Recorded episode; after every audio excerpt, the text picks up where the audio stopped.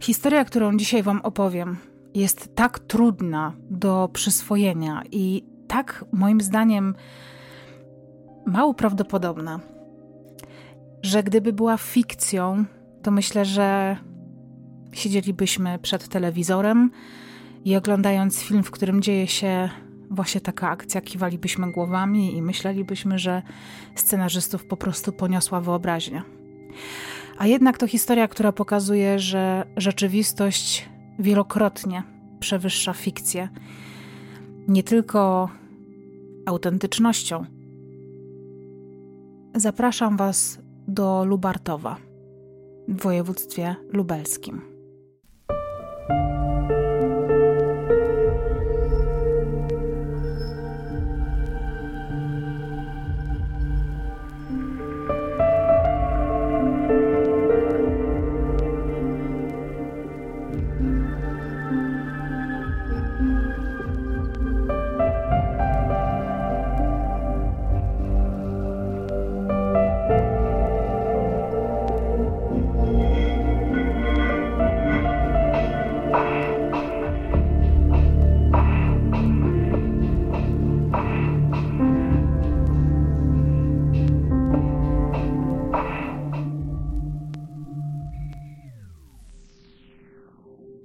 Monika ma 30 lat i mieszka razem ze swoim mężem Sławomirem oraz dwójką dzieci w Lubartowie, w województwie lubelskim.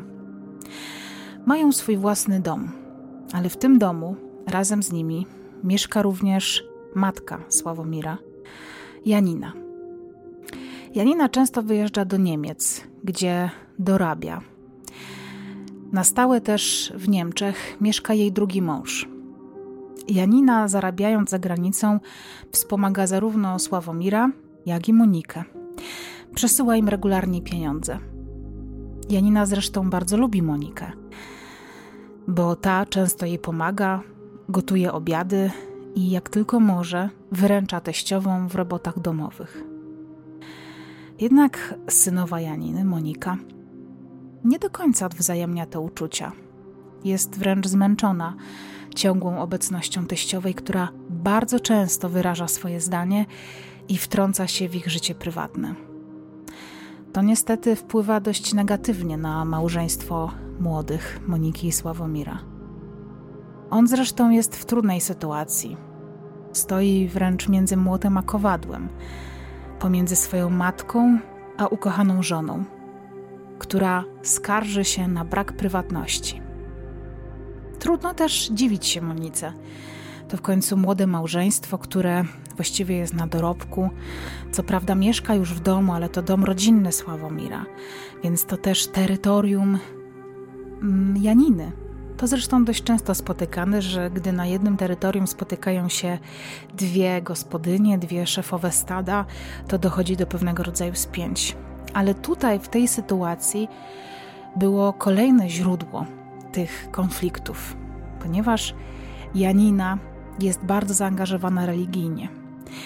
Jest świadkiem Jehowy i mocno angażuje się nie tylko w praktyki religijne, ale też w ewangelizowanie dookoła ludzi, którzy jeszcze do tej wiary nie należą. Uczestniczy w zebraniach, bardzo często pojawia się w zborze oraz jak tylko może stara się przekazywać i głosić swoją wiarę. A to nie do końca odpowiada Monice, gdyż przez to ona wraz ze Sławkiem nie mogą żyć swobodnie według swoich przekonań. Nie wiem do końca, czy Janina y, do świadków Jehowy należała od długiego czasu i czy Sławek również był świadkiem. Ta sytuacja byłaby dla mnie trudna trochę do zrozumienia z tego względu, że mm, rzadko się zdarza, a przynajmniej nie jest to takie powszechne, żeby w sytuacji właśnie rodzin świadków Jehowy ktoś e, poślubiał kogoś spoza tego grona e, spoza świadków. Tak by musiało być w przypadku Sławka, ponieważ Monika nigdy do świadków Jehowy nie należała. I poniekąd wyjść e, z wiary, bo Sławek nie był zaangażowany w żaden sposób e, w religię świadków Jehowy, więc podejrzewam, że tutaj mogło być tak, że przystąpienie do wyznania świadków Jehowy było indywidualną decyzją Janiny, niezależną od decyzji Sławomira. A już tym bardziej Moniki. Janina szybko zauważa, że sytuacja pomiędzy nią, jej synem, a synową staje się napięta. I nie chce tego Janina absolutnie, a tym bardziej nie chce być powodem kłótni ukochanych, dlatego też postanawia wyprowadzić się od Moniki i Sławomira. Wpada więc na pomysł wybudowania domu sąsiedniego na tej samej działce, na której jest już dom Sławomira i Moniki. Janina zresztą uważa, że skoro opuści dom młodych i zamieszka obok, problemy po prostu się rozwiążą. Ale Monika nie jest do tego przekonana, czy to faktycznie rozwiąże problem, bo uważa, że teściowa i tak będzie ich często odwiedzać i nadal będzie się wtrącać w ich życie. Z jednej strony wydaje mi się, że takie mieszkanie osobno jest dobrym rozwiązaniem, z drugiej strony jednak ta odległość jest tak bliska, że pewnie i tak by dochodziło do tego, że rodziny żyłyby razem. Ale Janina, mimo uwag Moniki, Sławomira i obaw, że to w sumie nic nie da, e, że oczywiście dobrze by było, gdyby mieszkali osobno, ale czy na pewno mieszkanie na działce obok, właściwie na tej samej działce, tylko w domu obok, jest dobrym rozwiązaniem wystarczającym? E, no nie są do tego przekonani, ale Janina mimo wszystko jest tego pewna i dąży do swojego celu więc w 2011 roku jest na końcowym etapie budowy. Monika zresztą cały czas pomaga swojej teściowej, bo Janina przecież musi wyjeżdżać do pracy do Niemiec i wtedy właśnie budowy dogląda Monika. Janina co miesiąc w trakcie pobytu za granicą przesyła właśnie pieniądze Monice, którymi kobieta ma regulować należności za prąd, odkładać te pieniądze na jakimś tam rachunku, ponieważ Janina też, tak jak wcześniej powiedziałam, e, wspomaga finansowo e, swojego syna i jego żonę. We wrześniu 2011 roku, kiedy budowa zostaje ukończona, Monika w dalszym ciągu pomaga swojej teściowej w sprzątaniu domu, dekorowaniu i urządzaniu tego e, domu. W przeprowadzce również bardzo e, wspomaga Janinę. I pod koniec września, kiedy starsza pani wraca z Niemiec do domu do Lubartowa, tam czekają na nią Sławomir i Monika. Razem jedzą obiad, rozmawiają, nawet cieszą się z tej wizyty Janiny. Janina też e, nie może się przede wszystkim doczekać tego, żeby zobaczyć, jak idą postępy prac w jej nowym domu. Bierze więc Monikę ze sobą, ponieważ to ona była odpowiedzialna za e, wszystkie prace, mm, jakie tam panowały e, i jakieś tam odbywały. No i próbują razem ustalić miejsce nowych mebli, próbują, e, postanawiają rozpakować kilka kartonów, poukładać to wszystko w szafach, co jest też dość niezwykłe, ponieważ z jednej strony ten konflikt na linii teściowa-synowa był dość mocny, ale kobiety bardzo, bardzo dużo tego czasu kiedy mogły być razem, to spędzały go wspólnie i to też takie dość e, ciekawe w tej sytuacji. 26 września 2011 roku jest poniedziałek i Janina prosi Monikę o pomoc w porządkowaniu szafy. Monika oczywiście się zgadza i po kilku godzinach spędzonych u teściowej wraca do swojego domu. Spędza ze swoim mężem dosłownie krótką chwilę, gdyż Sławek właśnie szykuje się do pracy na nocną zmianę. Monika całuje go i życzy mu miłego dnia i pracy. Następnego dnia nie dzieje się nic nadzwyczajnego. Jednak kiedy mąż Moniki po powrocie do pracy i zjedzeniu obiadu chce odwiedzić swoją matkę, nie zastaje jej na miejscu. Jest tym faktem zaskoczony, ponieważ Janina zazwyczaj przebywa w domu całe dnie i ze względu na ogrom pracy po budowie i wykończenie domu po prostu nigdzie się nie rusza. Słowek próbuje się do niej dodzwonić, ale bezskutecznie. Dlatego wraca do domu i postanawia spróbować za jakiś czas ponownie, licząc, że matka po prostu może poszła gdzieś do sklepu, może spotkała jakąś znajomą. W domu mężczyzna pyta Moniki, czy widziała się dzisiaj z Janiną. Monika ku jego zaskoczeniu odpowiada, że tak. Rozmawiała z nią wczesnym rankiem, ale Janina musiała pilnie wyjechać do Niemiec. Monika mówi wtedy Sławkowi, że Janina zostawiła dla niego kartkę z przeprosinami, że wyjeżdża tak bez słowa, ale że nie potrafi teraz tej kartki odnaleźć. Nie pamięta, gdzie ją położyła, bo było tyle rzeczy do zrobienia, że gdzieś po prostu mogła ją zawieruszyć. Dlatego Sławomir uspokaja się po słowach żony. Przestaje się martwić o swoją mamę. Myśli sobie, że Janina na pewno się do niego odezwie, jak tylko dojedzie i pozałatwia swoje pilne sprawy.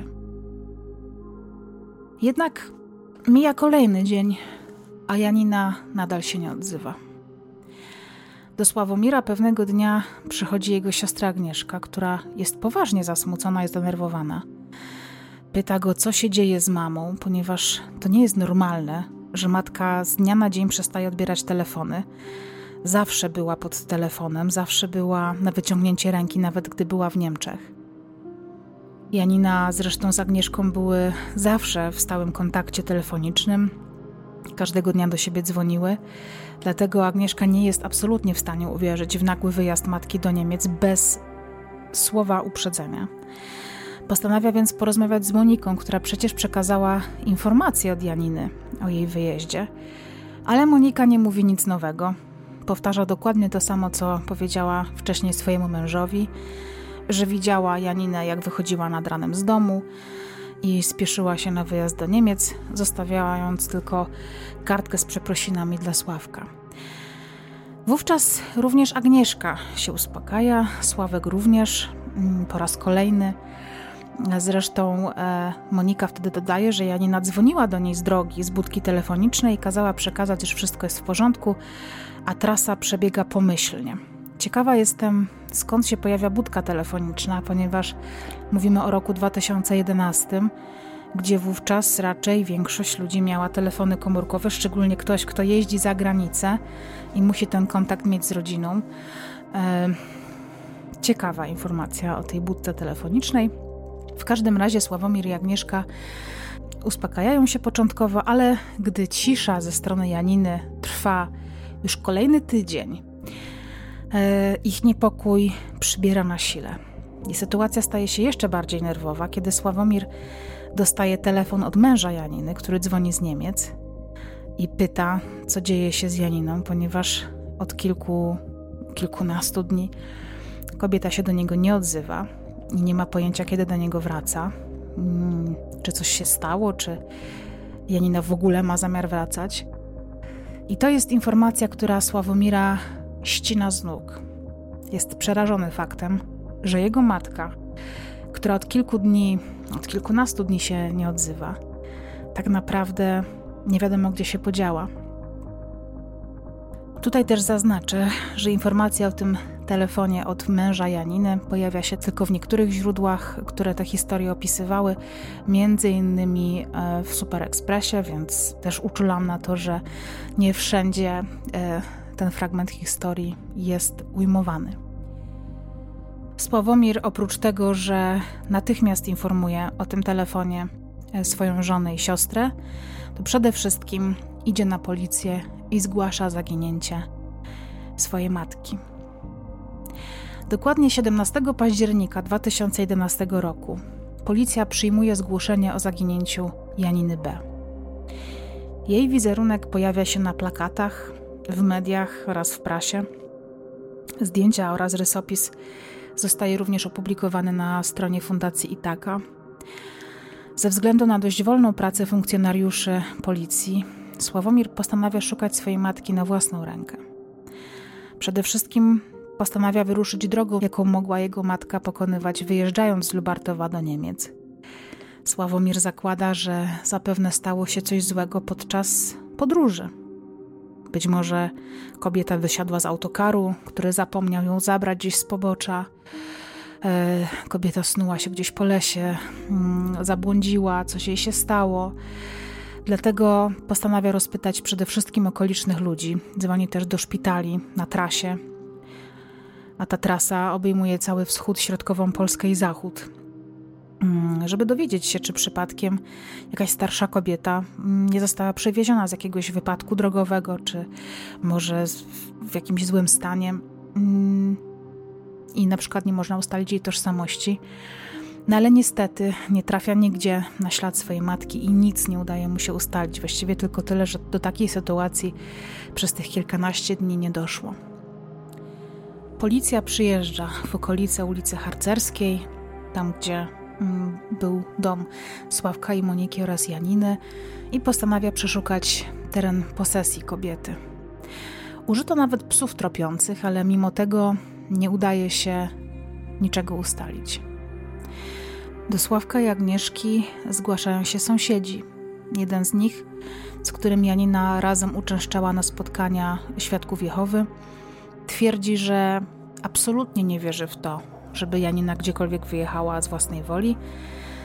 Stwierdza również, że według niego kobieta w ogóle nie opuściła terenu swojej posesji. Nie wiadomo dlaczego tak twierdził. Ale to nie wszystko, ponieważ Y, kiedy sprawa zaginięcia Janiny staje się bardzo y, głośna w Lubartowie, zaczynają zgłaszać się kolejne osoby, szczególnie z sąsiedztwa y, Moniki, Sławomira, Janiny. Kilkoro z nich przychodzi na policję z bardzo konkretnymi podejrzeniami, ponieważ pewnego razu właśnie do Moniki pod nieobecność Sławomira przyszedł jeden z mieszkańców sąsiadującej posesji e, i uskarżał się na straszliwy smród, który miał płynąć właśnie z działki mm, Janiny. Jednak Monika, e, jakoś odpowiadając na zarzuty tego sąsiada, przyznała, że to na pewno przez to, że właśnie oporządzała młodego kurczaka i to pewnie zapach tego mięsa i wnętrzności, których musiała się pozbyć, jednak to chyba tego sąsiada nie usatysfakcjonowało, bo świeże mięso yy, raczej nie pachnie. Mm, natomiast smród wydziela tylko mięso, które się psuje, więc młody kurczak, a yy, smród padliny to są dwie różne rzeczy. Po kilku tygodniach pracy śledczym udaje się posunąć sprawę do przodu.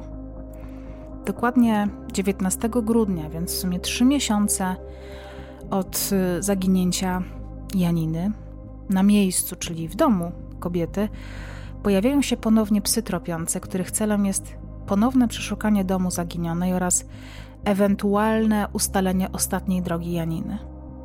I ku zaskoczeniu wszystkich, zarówno policji, jak i Sławomira, psy, wybiegając z domu zaginionej, zamiast ruszyć w kierunku drogi, udają się prosto pod murowane schody wyjściowe do domu Janiny i tam zatrzymują się jak zaczarowane. Zastanawiam się, czy tutaj chodzi faktycznie o psy tropiące, yy, jakby ślady żywego człowieka, czy to już były psy do yy, poszukiwania zwłok, bo to są chyba dwa różne rodzaje yy, szkoleń psów i to nie są jakby te same. Y, to nie są te same psy. Mm, funkcjonariusze sprawdzają od razu to miejsce, które zwierzęta wskazały i odkrywają zakopane na głębokości około pół metra zwłoki Janiny B. To odkrycie jest wstrząsające. Sławomir jest druzgotany, że tyle miesięcy szukał swojej matki w całym kraju, nawet w Niemczech, a jej ciało leżało dosłownie pod jego domem. Ciało matki Sławomira spoczywało na terenie jej posesji, dokładnie we wnęce pod murowanymi schodami, w dość płytkim, wykopanym jakby na prędce grobie. Policja postanawia od razu przesłuchać Sławomira oraz Monikę jako pierwszych. Po pierwsze, dlatego, że jedno z nich ostatnie widziało mm, kobietę, po drugie, mieszkali z nią, po trzecie, współdzielili działkę, więc to raczej oczywiste. Sławomir podczas składania zeznań powtarza stale jedną wersję, mówiąc o tym, że jego matka wyjechała do Niemiec i kontaktowała się z jego żoną Moniką. To ona jako ostatnia miała jakiekolwiek wieści od matki. Jednak Monika podczas przesłuchania twierdzi, że absolutnie nie ma pojęcia, co stało się z Janiną i kto jest za to odpowiedzialny. Mówi funkcjonariuszom, że teściowa musiała pilnie wyjechać do Niemiec i że skontaktowała się z nią już z Niemiec. Później jednak zmienia zeznania i mówi, że Janina faktycznie dzwoniła do niej, ale w trakcie podróży z Lubartowa, jeszcze przed przekroczeniem granicy z Niemcami. Ostatecznie znów zmienia wersję, zaprzeczając tym razem, że Janina się z nią w ogóle kontaktowała. Monika zresztą zmiany przedstawionej przez nią wersji argumentuje tym, że po prostu musiało jej się coś pomylić, że pomyliła dni, że to nie było tym razem, że to nie o ten y, przyjazd teściowej chodziło. No i dla śledczych, co zresztą wcale nie dziwne, te nieścisłości w zeznaniach kobiety stają się zwyczajnie podejrzane. Postanawiają więc przycisnąć ją podczas przesłuchania. Mm, I to przesłuchanie trwa kilka godzin. I kończy się tym, że Monika w końcu przyznaje się do tego, że odebrała życie swojej teściowej. Żeby dokładnie przedstawić, co wydarzyło się naprawdę, musimy cofnąć się do ostatnich dni września, a dokładniej do czasu, w którym Janina wraca z Niemiec do Lubartowa po raz ostatni w swoim życiu.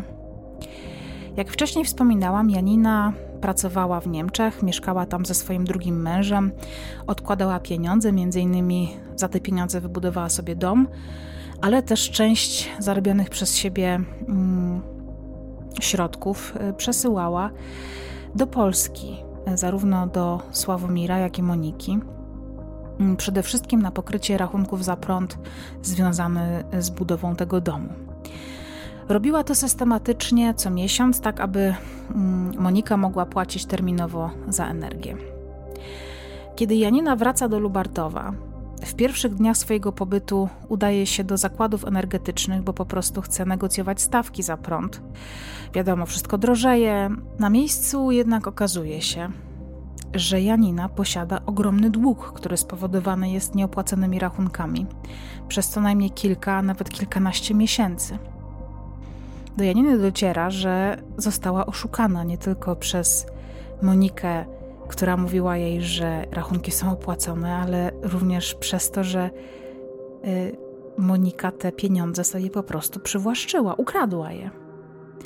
Z tego więc względu 26 września, kiedy wraca z tych zakładów energetycznych i przychodzi do domu swojej synowej, chce wyjaśnić zaistniałą sytuację. W domu jednak Monika nie jest sama, e, bo Sławomir dopiero szykuje się do pracy na tę nocną zmianę, ale Janina chce na początku porozmawiać z synową na osobności, ponieważ jest na kobietę wściekła, podejrzewa, że jej syn o niczym nie wie. E, być może się czegoś dowie i nie trzeba będzie robić takiej awantury, więc prosi Monikę o to, żeby e, razem z nią poszła do domu, tego nowego, który się dopiero buduje, pod pretekstem porządków w szafie. Kiedy zaczynają układać ubrania, Janina porusza temat niezapłaconych rachunków i tego olbrzymiego długu, który powstał w wyniku tego. Swoją drogą, na, tak zupełnie na marginesie, zaczynam się zastanawiać, e, jakim cudem ta energia po prostu nie została odcięta, jeżeli te długi były tak wysokie. Tutaj mówimy chyba o kilkudziesięciu tysiącach złotych. Więc yy, zastanawiam się, jakim cudem po prostu ten prąd nie został wyłączony. Yy, kobieta jest absolutnie yy, rozczarowana, jest zła. Mówi to swojej synowej. Monika jednak próbuje się jakoś wytłumaczyć, obiecuje oddać te pieniądze. Mówi, że to nie było takie proste, że są pewne problemy ale nic konkretnego nie wyjaśnia swojej teściowej.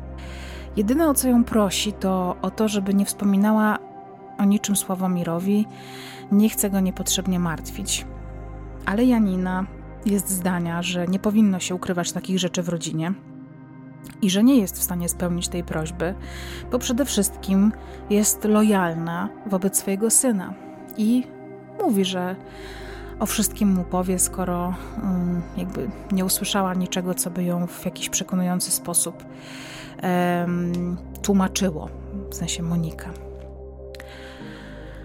Monika po tych słowach e, na moment e, wychodzi z domu teściowej, mówi, że musi na chwilę pójść do siebie, musi to wszystko przemyśleć, się uspokoić i że zaraz do niej wróci. Tak się też dzieje. Monika idzie do swojego domu, w którym nadal przebywa jej mąż, e, który się szykuje do pracy. Po cichu, mm, tak żeby mm, nie wchodzić w żadną interakcję z nim, e, idzie do kuchni, skąd zabiera ze sobą tłuczek do mięsa i niezauważona przez niego wraca do teściowej do domu. I tam, w momencie, gdy Janina schodzi ze schodów, uderza ją silnie w tył głowy. Starsza pani bezwładnie upada na schody. Monika zadaje jej jeszcze kilkanaście ciosów, które są dla Janiny śmiertelne. Po dokonaniu zbrodni Monika przeciąga ciało Janiny do piwnicy. Tam stara się ukryć zwłoki. Po wszystkim wraca do domu, po cichu, znów niezauważona przez nikogo. Udaje się do łazienki, gdzie myje narzędzie zbrodni, ściąga zakrwawione ubrania, dokładnie je chowa, po czym jeszcze dokładniej się myje. Po tym wszystkim, wychodząc z łazienki, żegna się z mężem, który właśnie wychodził do pracy. Wieczorem, kiedy Sławomira nie ma w domu, Monika pali swoje ubrania. Domyślam się, że w kominku, niszcząc tym samym e, dowody, jedne z kilku dowodów tej zbrodni. Co jednak dzieje się z ciałem Janiny? Otóż leży ono w nowo wybudowanym domu, w piwnicy, przez cały tydzień. Przez ten czas Monika żyje jak gdyby nigdy nic. Mimo, że rodzina martwi się o to, co stało się z Janiną, gdzie nagle wyjechała, dlaczego się nie odzywa, Monika z kamienną twarzą wspiera zatroskanych członków rodziny, absolutnie nie zdradza się niczym, nie wzbudza żadnych podejrzeń. Kiedy sytuacja staje się coraz bardziej napięta, Monika w obawie, że ktoś odkryje zwłoki Janiny, e, bo po prostu pójdzie do domu jej szukać. To jest ostatnie miejsce, gdzie mogła zostawić jakieś ślady, no nie wiem, może zostawiła jakieś dokumenty, może jakiś list, e, cokolwiek, co zdradzałoby jej nagły wyjazd i mm, zupełne zaprzestanie kontaktu. Pewnie trafiłby ktoś do piwnicy, a tam odkryłby jej zwłoki. Dlatego Monika e, w obawie, że to się po prostu prędzej czy później zdarzy, postanawia przenieść ciało swojej teściowej i ukryć je w innym miejscu. Około 7-8 dni po dokonaniu zbrodni, pod osłoną nocy, Monika e, z tej piwnicy przeciąga ciało e, Janiny, wyciąga je na powierzchnię i postanawia je zakopać pod murowanymi schodami e, prowadzącymi do drzwi wejściowych. Z racji tego, że dom Janiny był w dalszym ciągu w surowym stanie z zewnątrz, Monika liczy na to, że po czasie na grób teściowej pewnie zostanie zrobiona jakaś wylewka betonowa lub coś innego, co pozwoli już tak na dobre ukryć zwłoki. Kiedy Monice udaje się e, no nie pozbyć zwłok, ale ukryć je, jej zdaniem skutecznie, rusza akcja poszukiwawcza Janiny, w której zresztą Monika bierze bardzo czynny udział. Pomaga rozklejać plakaty po całym Lubartowie, pociesza Agnieszkę, swojego męża, e, wnuki Janiny. I to właśnie w tym momencie podobno sąsiedzi zaczynają skarżyć się na smród wydobywający się z działki Janiny oraz Moniki i Sławka, bo przecież ich domy stały dokładnie na tej samej działce. Ale Monika albo nie zwraca uwagi na narzekanie sąsiadów, albo totalnie je wypiera i może liczy na to, że ten smród po prostu w pewnym momencie ustąpi, kiedy ciało osiągnie jakiś tam stopień rozkładu, który już nie będzie wydzielał takiego zapachu. Cały czas to tłumaczy tym brzydkim zapachem mięsa, które przygotowuje na obiad. Zwłoki Janiny leżą tam jeszcze przez trzy miesiące.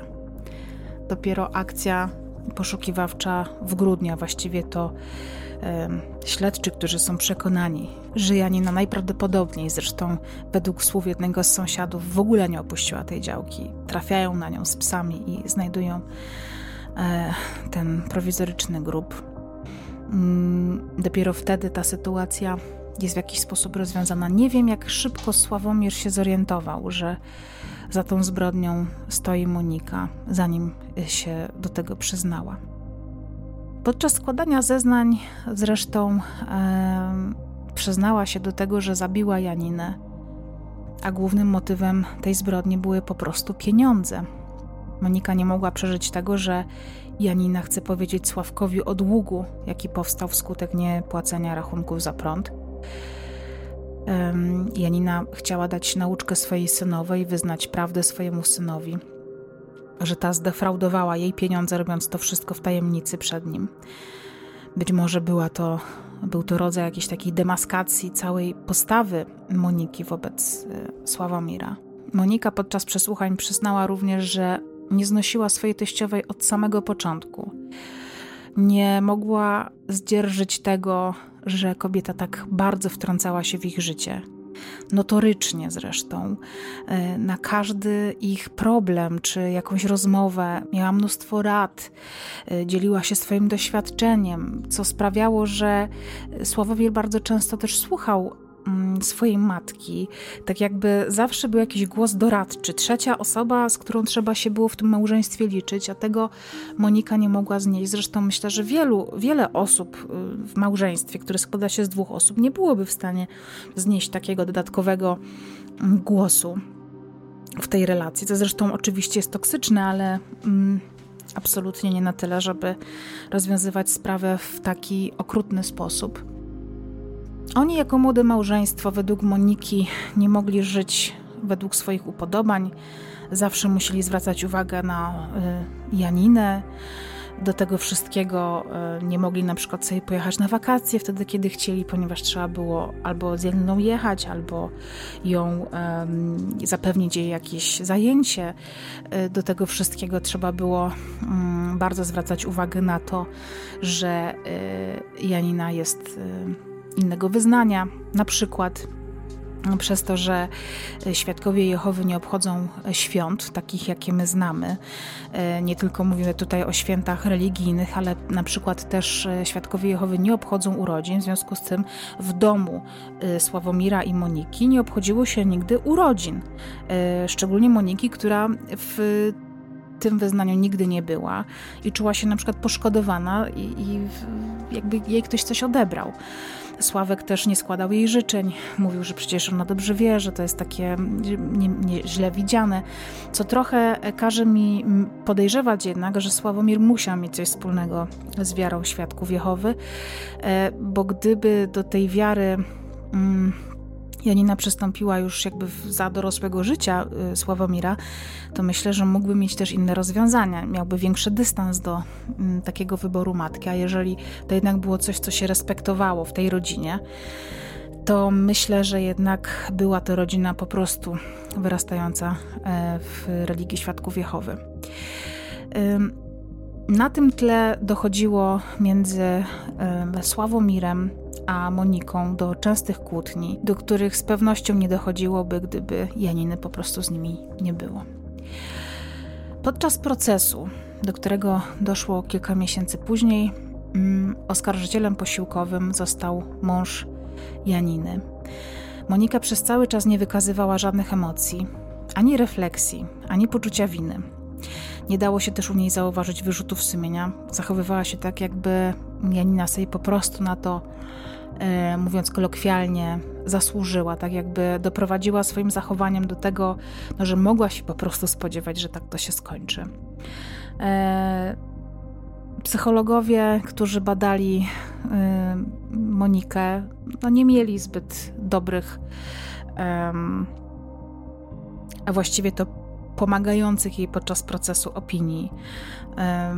Ewidentnie zauważyli u niej chód emocjonalny, zdystansowanie, mm, pewnego rodzaju zarysy psychopatyczne i socjopatyczne. Jednakowoż y, sąd wziął pod uwagę to, że y, do zbrodni doszło na tle jednak y, dość sporej kłótni i że mm, Monika wcześniej nie była osobą karaną. No i tutaj myślę, że będziecie zaskoczeni wyrokiem. Ja byłam e, zaskoczona, ponieważ 13 e, stycznia 2013 roku Sąd Okręgowy w Lublinie skazał Monikę K. na 15 lat pozbawienia wolności z możliwością ubiegania się o przedterminowe zwolnienie po 12 latach, co oznaczałoby, że w 2025 roku Monika może ubiegać się o właśnie takie przedterminowe zwolnienie. Sąd w uzasadnieniu tego wyroku uznał Monikę za pozbawioną uczuciowości wyższej czy głębszej, mm, jako osobę nie przejawiającą żadnej skruchy, wyrzutów sumienia oraz stwierdzono, że jest pozbawiona zdolności przeżywania mm, poczucia winy. Zresztą wiele osób jest oburzonych y, niskim wyrokiem, jaki otrzymała Monika za zabójstwo swojej teściowej. Ja bym tutaj przede wszystkim zauważyła, że oprócz tego, że Monika odebrała życie Janinie, to oprócz tego, że doszło do zbrodni, to jeszcze doszło do zatarcia śladów, do ukrywania ciała, a potem jeszcze do zakopania zwłok e, i właściwie mieszkania obok nich, co też może być dość szokujące, ale to jest dość częste rozwiązanie osób, które lubią mieć poczucie kontroli, ponieważ e, kontrolują i codziennie widzą to miejsce, w którym te zwłoki się znajdują, więc wiedzą, co się wokół tego dzieje. To nie jest tak, że e, te zwłoki leżą gdzieś kilkadziesiąt kilometrów dalej i osoba, która dokonała zbrodni, absolutnie nie ma pojęcia, co się tam teraz dzieje. E, jest to bardzo dziwne, ponieważ kiedy te zwłoki są zakopane tuż pod domem, to jeżeli coś by się wydarzyło wokół tego, no to właściwie od razu jest się na widelcu, no ale myślę, że tutaj nikt racjonalnie nie myśli. Z drugiej strony nie ma mowy tutaj mm, też o afekcie, ponieważ przypominam, że do zbrodni doszło w sytuacji, w której mm, Monika te pieniądze biorąc od teściowej i nie opłacając rachunków, y, na które te pieniądze były przeznaczone, wiedziała, że dokonuje kradzieży i defraudacji i że prędzej czy później to po prostu wyjdzie. I to się stało, więc y, to nie jest sytuacja, którą w jakiś sposób bardzo zaskoczyła. Ponadto do tej zbrodni dochodzi w sytuacji, w której Monika negocjuje z teściową mm, to, żeby nie powiedziała Sławomirowi o tym, że te pieniądze zniknęły. No doszłoby pewnie do jakiejś olbrzymiej awantury, większej kłótni. Monika musiałaby te pieniądze oddać, no ale pewnie nic strasznego by się nie stało. E, z drugiej strony nie ustalono, przynajmniej my nie wiemy o tym, nie zostało to podane do publicznej e, informacji, na co te pieniądze Monika wydała. Bo być może tu się też kryje jakiś haczyk, być może wydała je na coś, o czym Sławomir nie mógłby się dowiedzieć. W każdym razie, kiedy Janina mówi, że powie o tym Sławomirowi, no to przecież jeszcze Monika może e, mieć wpływ na to, w jaki sposób to zostanie powiedziane, albo e, być może poprosić teściową o kilka dni na to, żeby zdobyć te pieniądze, no nie wiem. Ale Monika postanawia wyjść z domu, pójść do domu obok, e, pokryjomu chwycić, czy tam wziąć, wyciągnąć pokryjomu tłuczek do mięsa, wrócić do domu teściowej, kiedy jeszcze właściwie wszyscy domownicy są i naprawdę jest mnóstwo świadków, i zabić teściową e, no, z zimną krwią, właściwie wcale też nie, w nieodosobnionym miejscu, bo na schodach, które gdzieś tam są blisko wejścia do domu. W każdej chwili do tego domu mógł ktoś wejść. Bardzo dziwne e, i takie wręcz nieracjonalne i mało logiczne. To wszystko mi się wydaje. Więc można w sumie z opisu tej zbrodni wywnioskować, że Monika nie działała w jakichś bardzo silnych emocjach. To nie był afekt na pewno, że teściowa mówi powiem to i w tym momencie Monika wybucha i odbiera teściowej życie. To, że Monika nie okazując żadnych emocji przetrzymywała ciało Janiny w piwnicy, podczas gdy wszyscy martwili się o to, co się z nią dzieje. A następnie postanowiła zakopać jej zwłoki na terenie własnej posesji pod osłoną nocy, gdzie też to jest dzielnica, e, w której są inne zabudowania. To nie jest, wiecie, koniec świata z zabudowaniami co pół kilometra obok siebie. To też mnie to zastanawia, mm, że miała na tyle zimnej krwi, żeby to po prostu przeprowadzić. E, z jednej strony myślę sobie, że może chciała mieć kontrolę nad tym, żeby wiedzieć, gdzie to ciało się znajduje, z drugiej strony może po prostu jej się nie chciało tego organizować i zrobiła to jakby najmniejszym kosztem. Nawet ten grób był wykopany na takiej głębokości, że po prostu te zwłoki zaczęły bardzo szybko wydawać e, brzydki zapach, po czym można było dość szybko dojść, stosunkowo szybko, dojść do tego, że są tam zakopane. Bardzo dziwna sprawa. E, ciekawy też wyrok, czy ciekawy pod kątem właśnie tego, że z jednej strony e, tutaj ta pobudka była mm, zasługująca na szczególne potępienie, czyli pieniężna. E, z drugiej strony e, nie był to afekt, z trzeciej strony e, wykazano, że mm, Monika nie ma tej uczuciowości wyższej, że nigdy nie przeprosiła, nie wykazała skruchy, a jednak ten wyrok nie był taki wysoki. Takie mam wrażenie. Ciekawa jestem, czy Monika mm, wyjdzie przedterminowo z więzienia za dobre sprawowanie. Mm, nie wiem, co się stało z tym małżeństwem. Podejrzewam, że. Znaczy, nie zdziwiłabym się, gdyby się rozpadło. Zdziwiłabym się, gdyby się nie rozpadło. E, co pewne, to to, że Monika przegapiła mm, i właśnie przegapia dzieciństwo swoich dzieci. E, no to jest coś takiego chyba naj, najgorszego, co może hmm, chyba spotkać każdego człowieka, który ma dzieci i się nimi zajmuje, chociaż też nie wiem, jakie stosunki Monika miała z własnymi dziećmi. Mm. No i to tyle na temat dzisiejszej sprawy. Bardzo jestem ciekawa, co o niej sądzicie. E, zresztą w Lubartowie doszło też e, swego czasu do innej bardzo ciekawej zbrodni, którą pamiętam, że poznałam na studiach dzięki gatunkom dziennikarskim. Taki był przedmiot e, i też się nią kiedyś zajmę tutaj. Chociaż ta jest dużo bardziej ciekawa pod kątem psychologicznym, pod kątem relacji mm, i pod kątem tego, jak wiele można poświęcić, a szczególnie cudze życie. Nie wiem, czy możemy poświęcić cudze życie, chyba tylko swoje możemy poświęcić, ale możemy odebrać komuś życie i zaryzykować właściwie całym swoim życiem, żeby prawda na nasz temat nigdy nie wyszła na jaw. I tak właśnie zrobiła Monika. Bardzo e, dziękuję Wam dzisiaj za uwagę. Proszę Was o to, żebyście dbali o siebie i bądźcie bezpieczni. Do usłyszenia.